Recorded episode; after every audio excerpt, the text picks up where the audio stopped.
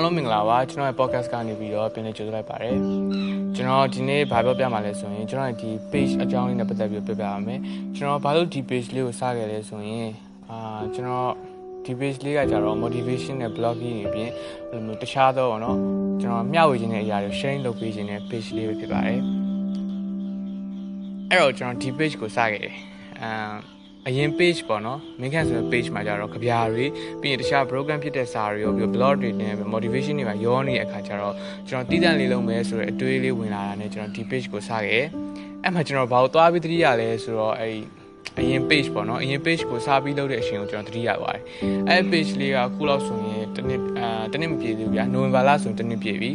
အာအစမှာကျွန်တော်တို့ဘယ်သူမှမသိကြသေးဘူးစားဖက်တဲ့သူတွေလည်းတိမ်ပြီးတော့မရှိကြဘူးအနည်းငယ်လောက်ပဲရှိရဲအဲ10ကနန်းလောက်ထိ ပဲရှိရပါတော့ဒီလိုနဲ့2လ3လလောက်ထိကျွန်တော် 2k 3k လောက်ထိကျွန်တော် 2k 3k လောက်နဲ့ကျွန်တော်စခဲ့အဲ့လောက်နဲ့ပဲကျွန်တော်อืม step ပြီးတော့သွားနေပါတော့အဲ့ဒီအချိန်တော့ကျွန်တော်မပြောဘူးပိုဆိုးတာကကျွန်တော်အဲ့ဒီအချိန်ကအသက်ကွဲနေတဲ့အချိန်ဖြစ်တယ်ပိုဆိုးတာက page က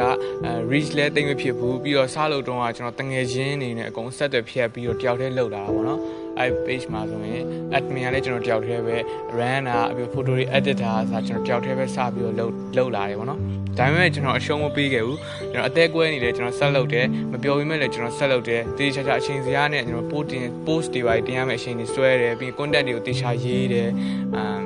အဲ့လိုလိုက်တော့ဘာဖြစ်သွားလဲဆိုတော့10လလောက်အတွင်းမှာကျွန်တော် follower 100k ဖြစ်သွားတယ်ဒါ10လအတွင်းမှာ 100k ဖြစ်သွားတယ်ဆိုတာ အဲပြောမယ်ဆိုရင်တော့ကျွန်တော်အောင်မြင်မှုလို့ပြောလို့ရတယ်အာဒါပြင်ကျွန်တော်ဒါကျွန်တော်ရဲ့ပျော်ရွှင်မှုလို့ပြောရင်ပုံမှန်ပဲဗျာအဲ့တော့ကျွန်တော်ဒီ podcast လေးမှာလေဘာကိုပြောချင်တာလဲဆိုတော့လုပ်ငန်းတစ်ခုပြီးရင်ကိုဝါသနာပါတဲ့အရာတစ်ခုကိုလုပ်တော့မယ်ဆိုရင်ကျွန်တော် motivation တွေတို့တစုံတစ်ယောက်ရဲ့အားပေးစကားတွေဆိုတာကအရင်မလို့ဗျအဓိကကကျွန်တော်အဲ့ဒါကိုစာပြီးတော့လှုပ်လိုက်ဖို့ပဲလိုတယ်နောက်ပြီးတော့စာပြီးတော့လှုပ်လိုက်တိုင်းလည်းအောင်မြင်သွားတာမဟုတ်ဘူးကြည့်လားကိုယ့်အနေနဲ့အတူတူချာချာလေး try မယ်ပုံမှန်လေး run နေရမယ်ဆိုရင်အာ run နေဖို့လိုအပ်တယ်ဒါပေမဲ့ Facebook page ပဲဖြစ်ဖြစ်စလုပ်တဲ့တစ်လားနှစ်လားလောက်ထိရတော့ကျွန်တော် follower နည်းတာပြီး like မရတာအဲ reach မဖြစ်တာအာစသဖြင့်အဲ့ဒီအခက်အခဲအများကြီးကြုံရတယ်ကိုက boost လည်းမလုပ်နိုင်ဘူးဆိုရင်ပေါ့နော်ပို့ဆိုးတာပေါ့ဒါပြဿနာတော့မဟုတ်ဘူးဗျာပြဿနာအဲ့ဒီအရာပေါ်မှာကျွန်တော်ကစိတ်တက်ကြပြီးတော့ရှုံးပေးလိုက်တာမှပြဿနာပဲ